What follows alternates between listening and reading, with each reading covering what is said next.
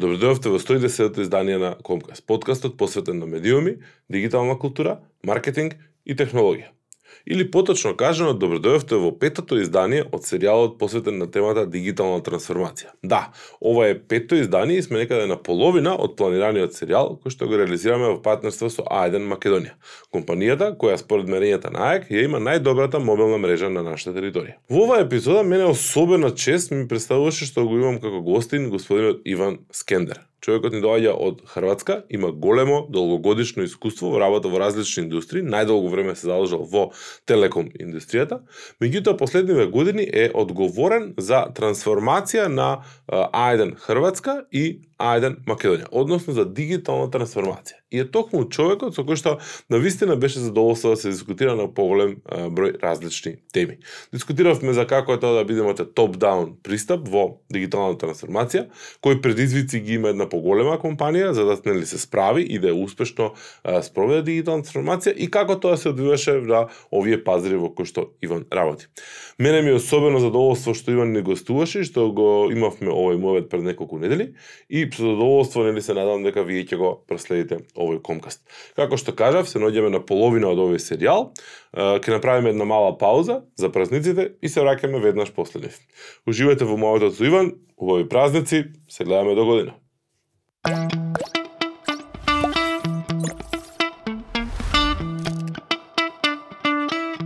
На моја особено задоволство, по втор пат во Комкаст имаме гостин кој што не е од Македонија, не е втор пат, трет пат е. Имаме гостин кој што ни доаѓа од Хрватска. И ова ќе стане некаков патерн, дека гости имам од Хрватска многу почесто и во секоја итерација на, на Комкаст. Му велам здраво на Иван Скендер. Добар ден, поздрав свима. Добар ден. И во најавата нели кажав дека си човек кој што скоро цела професионална кариера ја поминал во телеком индустријата, од еден во друг телеком, од една позиција на друга позиција и се надам дека тоа искуство денеска ќе не води да одговориме на што е можно повеќе прашања. Во моментов сте да речеме одговорен за спроведување на процес наречен дигитална трансформација во рамки на А1 во Хрватска и во Македонија.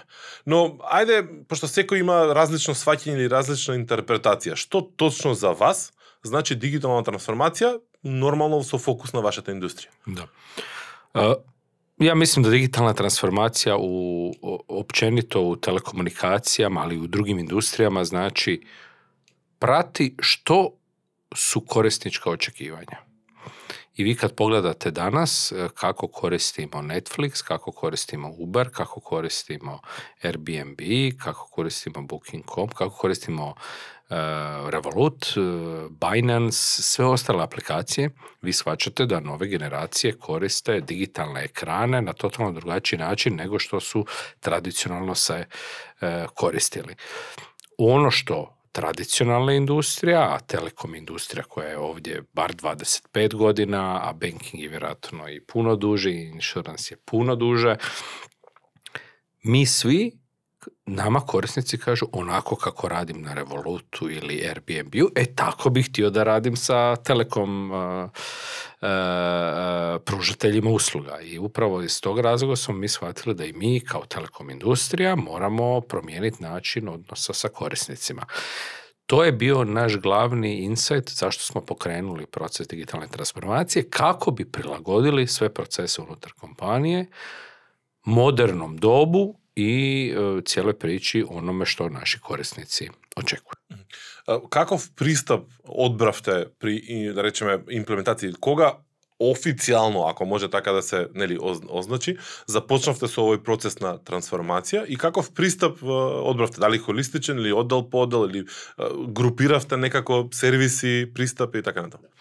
Evo ja sam dobio tu čast 2017. kad sam se pridružio kompaniji, rekli su mi evo se tapire kako bi ti to napravio, imaš potpuno odrešene ruke i to je bilo ono s jedne strane moj ono personal challenge, s druge strane i mogućnost da utječem na kompaniju da se to tako napravi.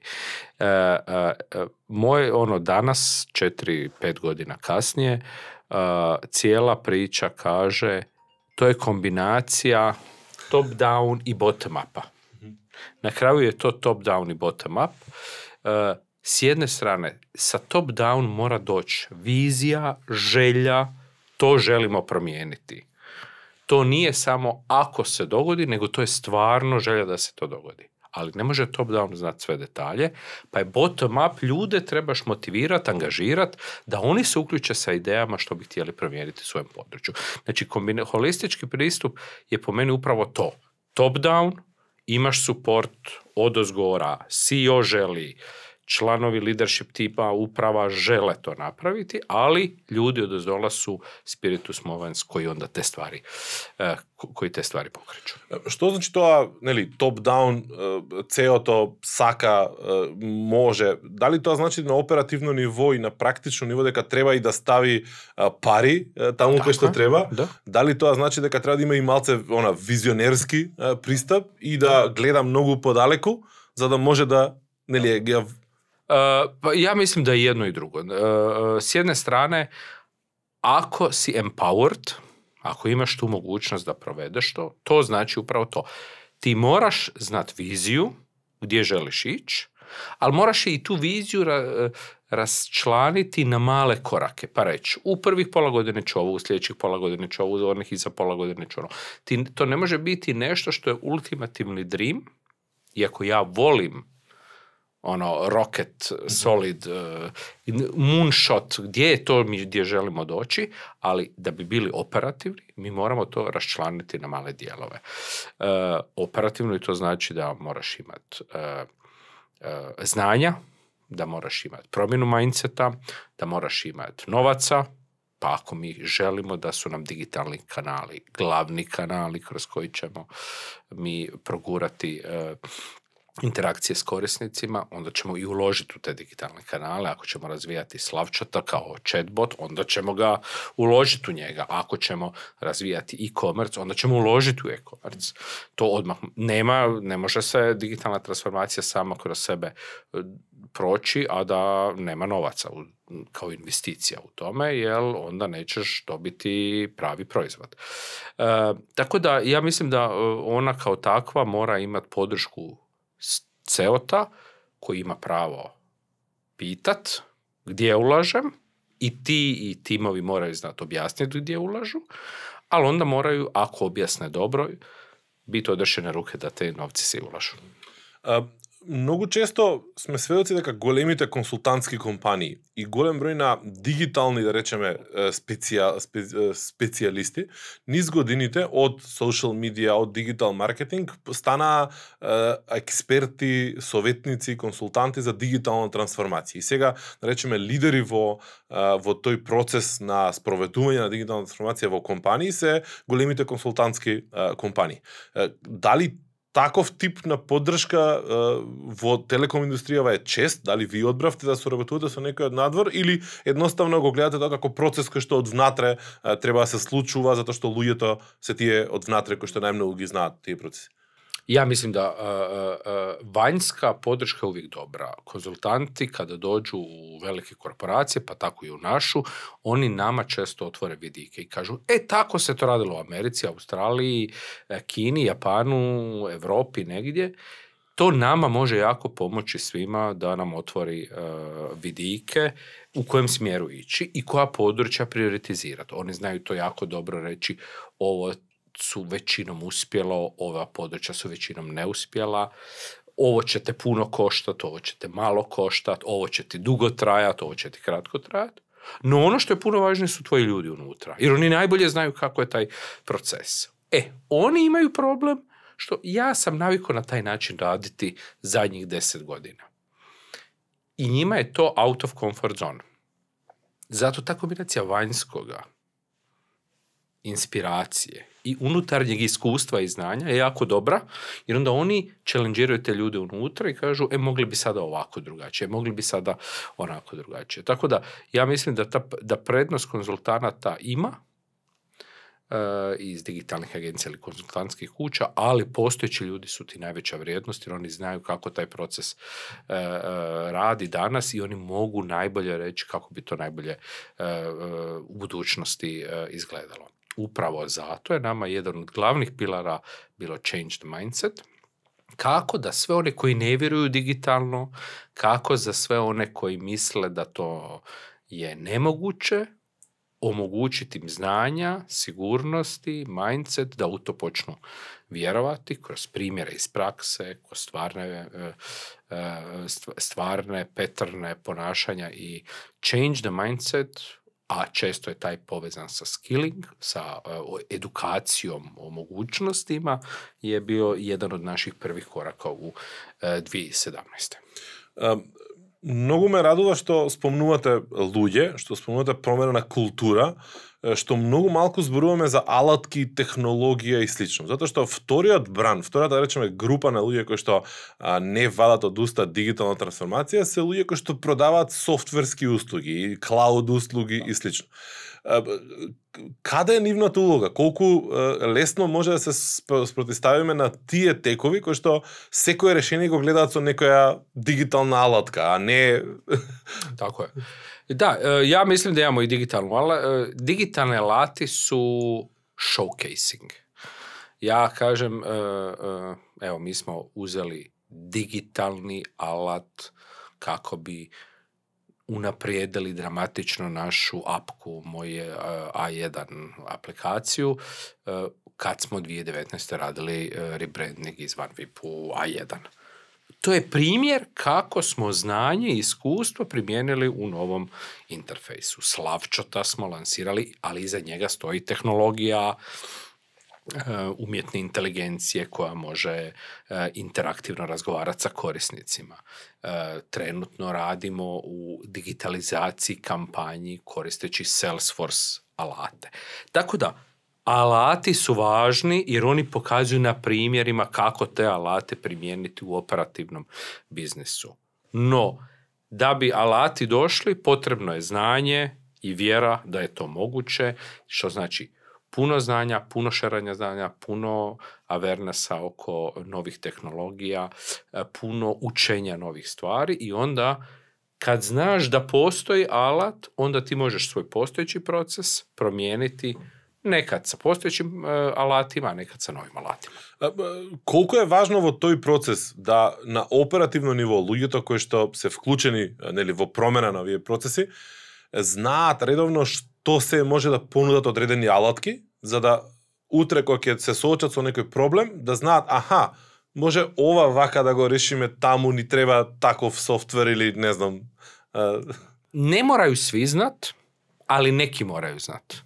И ја мислим да е данас никад више алата на интернету, многи су free of charge, и многи многу риешити хрпе, хрпе, хрпе тих operativnih e, izazova koje ima agent u call centru, prodavač u dućanu, čovjek koji dođe ti u kuću instalirati internet, e, e, neko ko- gdje plaćaš račune, oni ti mogu jako puno primijeniti. Ono put kojim smo mi odabrali su takozvani competence centri. Mi kažemo, mi ćemo za umjetnu inteligenciju imati jedan competence centar, za aplikaciju drugi competence centar. Oni najbolje moraju proučavati mogućnosti tih alata, ali onda imaju zadatak distribuirati to znanje kroz kompaniju. Ovaj će učiti oko robota, ovaj će učiti umjetnu inteligenciju, ovaj će učiti Microsoft Power Apps Office 365 tehnologije. Znači, ti moraš imati u kompaniji nekoga ko proučava alate iz domene u kojoj je. Kako bi ih mogao isprobati i primijeniti. Ako primjena pokaže super, onda distribuiramo to znanje kroz kompaniju. Ako primjena kaže nije dobro, ništa, baci u smeće, idemo drugi isprobati. Tako da, mi smo ono stvarno stava uči i isprobavaj što ima novoga, ali ne budi žrtva da moraš imati tisuću alata, nego pokušaj naći one stvarno koji su lukrativni i dobri. А, мора да се промени методологијата на работа за да може да си дозволите брзо да пробувате, тестирате работи и да ги продолжувате да инвестирате во нив или да ги отфрлате. А, веројатно на глобално ниво Facebook е еден од лидерите кој што покажа дека без разлика на големината на компанијата со добра поставена структура дека може многу брзо да се иновира и да се тестираат работи да се фрлаат 80% во ѓубре. Како е организацијата на работата кај вас? Предпоставам со ни агилни методи на менаџирање и слично. Pa, da, to ti je, agilne metode su jedini proven dokaz e, za, za ovo što e, ti govoriš. Mi imamo dvije stvari. U kulturi imamo jednu stvar brzina i fail fast. Idi i isprobaj stvari i ako ne boj se pogriješiti. To nam je prvi u korporativnoj kulturi e, postulat zbog kojeg mi u stvari želimo e, ugraditi e, ljudima. Mnogo nam je važnije da isprobaš pa failaš, nego da se bojiš da ne isprobaš. Znači, to nam je jako važno da ti isprobaš, e, jer onda kada isprobavaš nove stvari, onda ti ideš prema naprijed. Naravno da agilna metodologija i Scrum timovi tu mnogo pridonose, ali znate kako, ja imam i unutar svoje odgovornosti i HR tim i uvijek njima kažem, nije bit agilna metodologija. Ajmo mi imati daily e, stand-up svako jutro gdje se dogovorimo ti ćeš to probati, ti ćeš ovo probati, ja ću ovo napraviti, ti ćeš ovo, ti ćeš ovo. Sutra javimo kako je prošlo. To je za mene agile.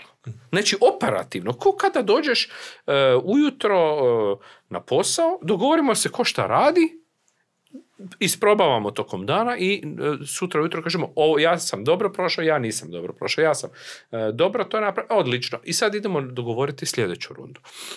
Tako da za mene bit rob agile scrum timova nije rješenje. Možemo mi praviti se da je to rješenje, ali u stvarnosti više taj mindset. Isprobavam novo i radim na načinu onom brzih, kratkih ciklusa koji može biti dnevno, tjedno, da, e, da e, ul- ulazimo u nove stvari. Како е, неуспехот и стравот од неуспех е, се адаптира и се прилагодува и се прифаќа во е, компании кои што функционираат на Балкан, особено Македонија? Nije to samo na Balkanu i u Sjevernoj Makedoniji, ja mislim da je to na cijelom Balkanu, e, pa i prema e, centralnoj Europi, e, nije lako. Nama je najteži dio, mi formalno i spremni smo reći fail fast i dare to fail. I ja mislim da je to stvarno, ali realno imamo dva aspekta problema. Prvi je, ljudi nisu spremni reći ja nisam uspio. Pogotovo kada ovih troje pored mene kaže ja sam uspio. Pa kako ću ja nakon njih troje što kažu da su uspio, da ja kažem da nisam uspio, srame. Znači, to je prvi problem. Znači, a drugi problem, management. Pa ne možeš ti šefu reći da nisi uspio, jer će šef pitati zašto te plaćam ako e, nisi uspio. I ja mislim da je to dugotrajan proces koji mora ići top-down enablementa toga. Znači, to on top-down mora omogućavati da upravo to se, da upravo se taj e, e, fail, e, failure, dare to fail pristup omogući i da stvarno ljudi imaju a, mogućnost to napraviti. Ono što je, smo mi napra- nismo uspjeli u svemu, tome i mnogi još se traže u tome i mnogi kažu vjerujem, vjerujem u fail fast, ali na kraju ne vjeruju u fail fast. Ja Ali nikada ne neću, failaju. tako je, nikada ne failaju. Vjerujem u to i nikad nisu failali. E, ali ono što je, e, ja zovem, to su, e, mi, mi smo nešto, ne samo celebrate success u kompaniji, nego celebrate failure. Nama je u redu da neko kaže ja sam to isprobao i failao sam. Da bi imao tu hrabrost, moraš imati support top managementa. I ja mislim da je to ono jedna najvažnija situacija u cijeloj priči. Ako support top managementa postoji za dare to fail i celebrate failure, onda će ljudi stvarno isprobavati nove stvari. E, B opcija je ne tako, bace ljude u vatru. Da isprobaju. Onda zna, bacio si ih u vatru i odmah lakše prihvaćaš ako su failari. Neki vole i tako. Eto. Je li postoji razlika u hrabrosti ljudi koji dolaze iz možda različite starosne grupe, možda različite oddale u, u okviru kompanije, gde e, taj, taj dare to fail e, proces je malo lakši prihvatan, gde, gde su pohrabri da nešto pokušaju koje je totalno različno, koje nije baš u okviru tradicionalnog shvaćanja Da. I ja sve smenih jazikama, nema vrska. ja mislim da imamo a, u stvari dvije grupe ljudi. Nova generacija, generacija Z je sve, ja uvijek to kažem, postoji razlika njih u odnosu na nas koji su iz generacije X ili Y, e, u jednoj jednostavnoj stvari. Oni su digitalno rođeni i oni su imali pristup puno više interfejsa, slika, mogućnosti nego što su starije generacije imale. Samim time znaju sve što je moguće, imaju YouTube koji im pomaže za, da sve vide kako se radi i samim time prouče i spremni su isprobati. Jer oni ne vole duge projekte, oni vole brze, kratke stvari da rješavaju, jer su jednostavno tako ekranima uh, upravljani. E, zato ja mislim da oni imaju jako imaju sklonost prema tome isprobavanju i failureu iz razloga jer kažu pa nemam ja šta izgubiti. Ja ću na YouTube-u pogledati kako se to radi ja ću to napraviti. Znači nije uopće... E sad, srednja generacija je u najvećem problemu jer nema tu sklonost toliko isprobati a opet nema dovoljno iskustva da može e, reći ja si to mogu dopustiti. E onda starija generacija ima veliko iskustvo i onda ona kaže ja mogu pokušati promijeniti, ali njih je najteže e, nagoniti da, da, da jer oni su navikli 20 ili 25 godina na jedan način raditi i sada im neko kaže, e to nije dobro više, sada možeš drugačije da radiš. Tako da to je u stvari taj najveći, ja mislim da taj miks mladih, generacije Z koja na YouTube-u svašta nađe i starih koji imaju iskustvo, znanje i to upariti je najbolja kombinacija. Моето чувство е дека таа млада генерација е нели супер храбра, меѓутоа многу често а, па, премногу горда сама на себе и премногу самоуверена За нијанса повеќе од тоа што може би заслужуваат да, да бидат. Нормално дека ние го славиме тој момент и дека го охрабруваме тој момент, меѓутоа имам чувство дека некогаш а, сакаат да бидат повеќе од тоа што стварно се, да, што да, да. во основа и не е толку лошо. Да, да, да. Ја мислим да таа нова генерација, да, ту сте управу, јел, јесу, самоуверени су.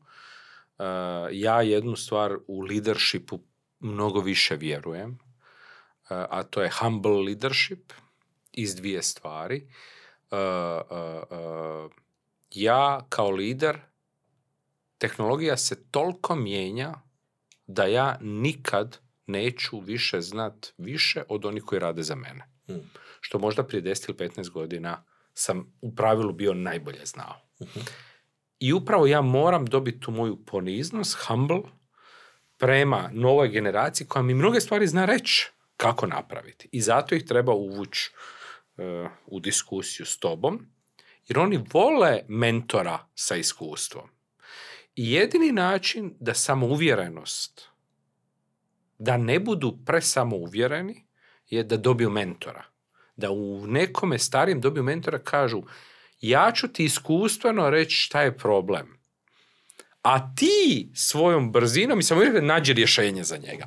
I taj odnos tada dobro to. Ako njega ostaviš samog, on će nastaviti biti samouvjeren.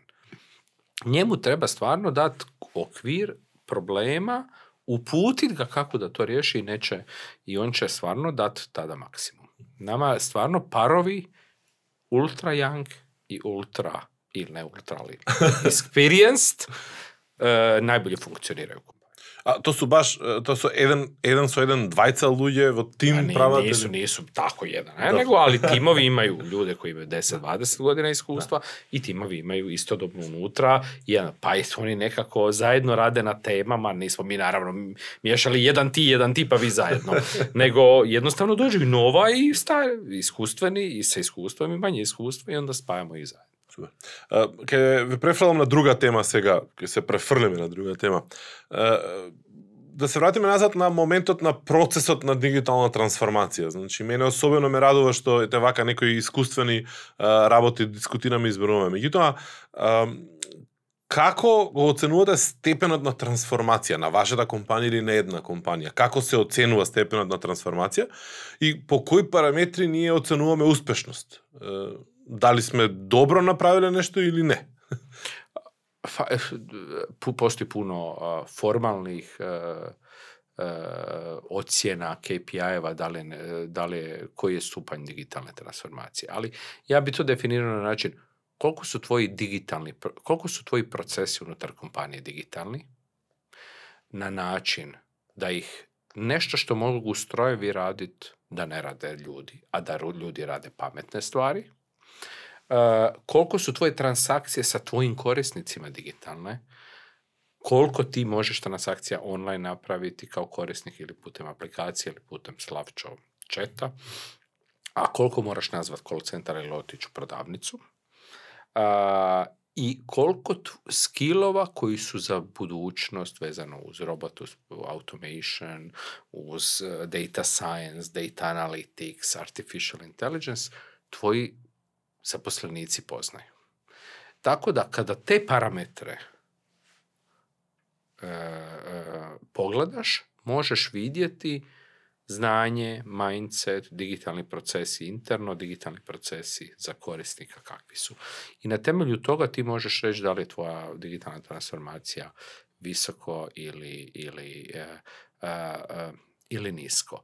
Ja mislim da nema formalnog parametra gdje ću ja sad reći mi smo super ili loš. Ja mislim da je to put, journey koji ti moraš provoditi i svake godine novi proces digitalizirati, iskoristiti novu tehnologiju, novo znanje naučiti, što više e, e, e, koristiti digitalne kanale za jednostavne transakcije. Ja uvijek mojim kolegama kažem, nemojmo raditi nešto što je repetitivan posao. To može raditi stroj. Ali ono što je intelektualni posao gdje savjetuješ korisnika, gdje promišljaš kako to kritičko razmišljaš, e to je nešto što mi želimo raditi. I želimo upravo takav kadar imati, a repetitivne poslove mogu se kroz vrijeme automatizirati.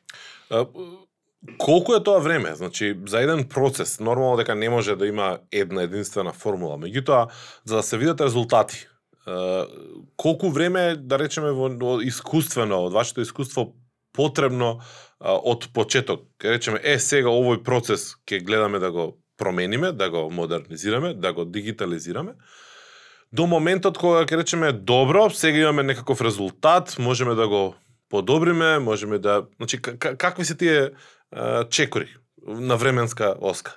E, e, mi, vam, mi imamo to imamo a, detekcija problema koji želimo, mogućnosti kako napraviti to, pilot kad napravimo digitalno, ako je dobro, go live sa svime i onda a, six months after rezultati.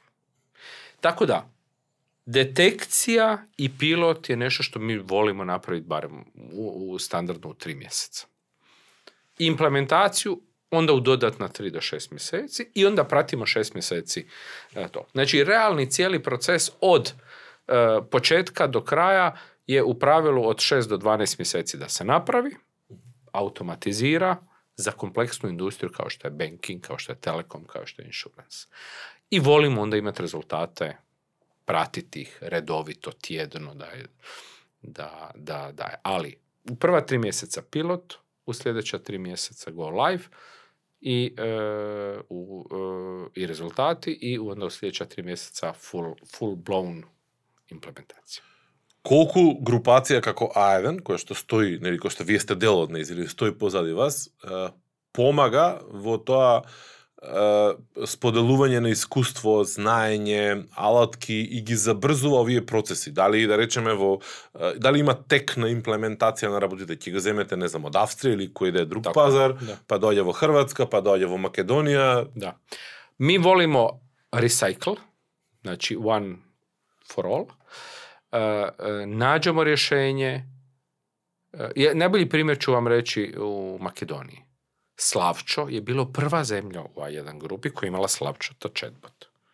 I to je makedonsko znanje, makedonska kompetencija, makedonski ljudi koji su to napravili i imaju uh, success. Mi upravo sad uzimamo te tehnologije, takve tehnologije i želimo repliku napraviti u drugim zemljama. S druge strane, neke druge tehnologije, aplikacija, napravili smo u Hrvatskoj 2018. a jedan aplikaciju i onda smo je repliku napravili u Makedoniji kao takvi. Vrijednost rada za velike grupacije znači jedan napravi, jedan zna, a drugi preuzmu a, i ne moraju startati iz početka. To su prednosti rada za velike grupacije. Mnoge stvari mi ovdje na Balkanu napravimo i onda ih grupa u Beću ili nekim drugim zemljama preuzme, neke stvari oni naprave i mi onda ovdje preuzmemo. Da li to znači дека на централно ниво некој води евиденција и кажува вие развивате тоа, вие развивате тоа или локално секој одлучува i, I lokalno, imamo veliku slobodu lokalno to odlučiti, ali naravno da surađujemo sa svim kolegama u svim zemljama, pa onda šeramo znanja. I upravo mi imamo, in, znači, veliki uspjeh šeranja znanja je kad imaš internu platformu. Mi imamo takozvani workplace, workplace je uh, Facebook u kompanijama, gdje mi šeramo javno znanje među 18.000 zaposlenika. I ti vidiš da neko je nešto napravio, zašto ne bi ti to isprobao? Tako da taj social media efekt na 18.000 zaposlenika stvarno ima utjecaj. Ili ja dođem i vidim, a vidi u Bjelorusi su oni to napravili ovako, daj da nazovem kolegu u Bjelorusi, kako si to napravio, ja bi to isto napravio, ne znam kako da dođem do toga. I on meni to objasni. Tako da, social media interni koji imamo vrlo nam pomaže kako bi raspodijelili ta znanja. Uh, кои сегменти на дигиталната трансформација а, може би во различни фази се важни да добијат повеќе или помалку фокус. Значи, дали е тоа корис... грижа за корисници, дали тоа се тоа внатрешни процеси, дали е тоа апликација. Значи, каков е да речеме патот на дигитална трансформација на, на една А1 земја? да, да. Ја мислим да ми сме увек кренули из врло едноставно ствари. Прво смо гледали gdje su korisnici, što bi korisnici. Pa onda web, online i app bilo logični izbori da ponude koje imaju na webu i appu idu prve one. Drugi je gdje nam je puno poziva, pa je to call center, pa je zato smo krenuli sa chatom, chatbotom, forumima kao takvima za uh, social mediji. Uh, jer imamo puno poziva tamo, puno transakcija korisnih dolazi. To je drugi veliki bio uh, aspekt. Treći aspekt je u mreži. Mreža, može imati prediktivne modele umjetnu inteligenciju u mreži, pa je to treći e, potencijal. Četvrti je HR. Svi da servaju, e, svi da omogućuju e, znanje u kompaniji. Pa onda je to bilo kako napraviti awareness, a kroz kompanija osvijesti ljude da ima digitalna transformacija potencijal u kojim područjima, pa kad oni vide, onda sami oni dolaze. Nama je sada došao kolega iz kontrolinga i rekao, mi bi htjeli koristiti robote za automatsku inventuru. Svega što. Mi danas, do sad smo to radili ručno, a sada bi to mogli raditi putem digitalnih skrinova. Tako da, ja mislim da tamo gdje ti je puno transakcija koji utječu na tvoje korisnike, užasno je važno da to budu prvi e, prvi, e, prvi. Колку разлика има од еден до друг пазар? Значи, дали овие трансакции, овие тесни грла, да ги наречеме, mm -hmm. се разликуваат на, на, на различни пазари? Pa ja mislim da nema toliko velike uh, razlike između tržišta Hrvatske, tržišta Makedonije ili različitih tržišta unutar jedan grupe.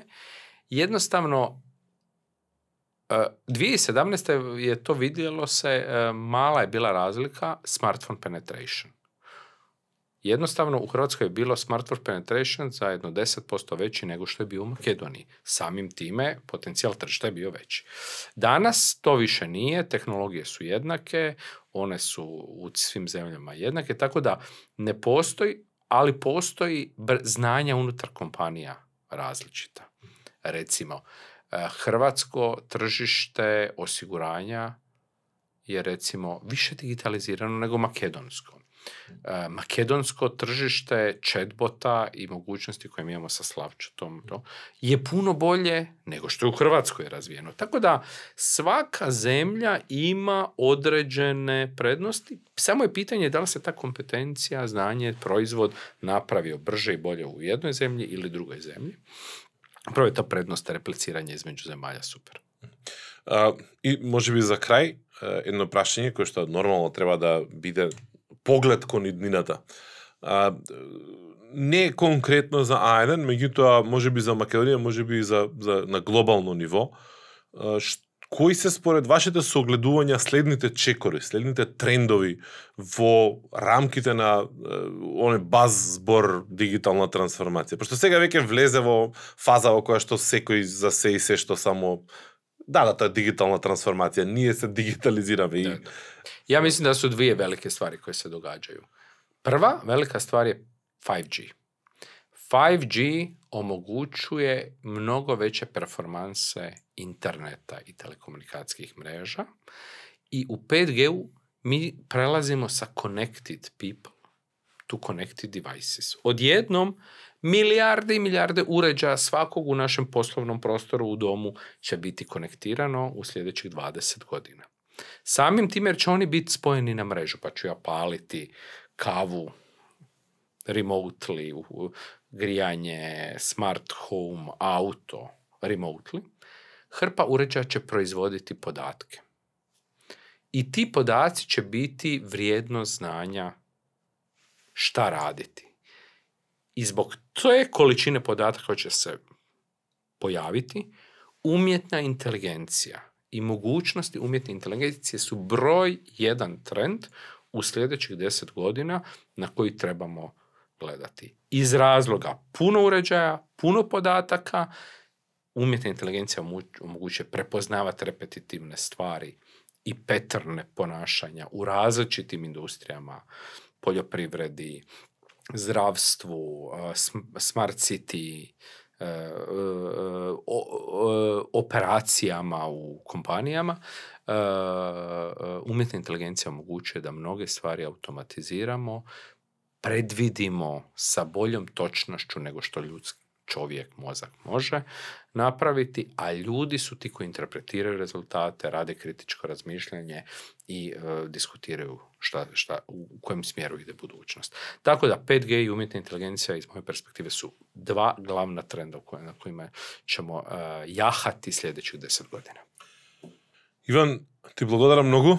Мене беше навистина задоволство што ете малце подетално влеговме е, низ твоето богато искуство за трансформација и мене особено ме радува што имав соговорник кој што не ја фаворизира технологијата како решение, туку ја гледа како алатка која што нели треба да им помогне на луѓето да го променат начинот на на размислување и на функционирање јас сум поборник на, на таа страна на, на трансформацијата, јас не доаѓам од софтверскиот свет и покрај тоа што крајно многу го почитувам, сепак не мислам дека тој сам по себе а, е решение.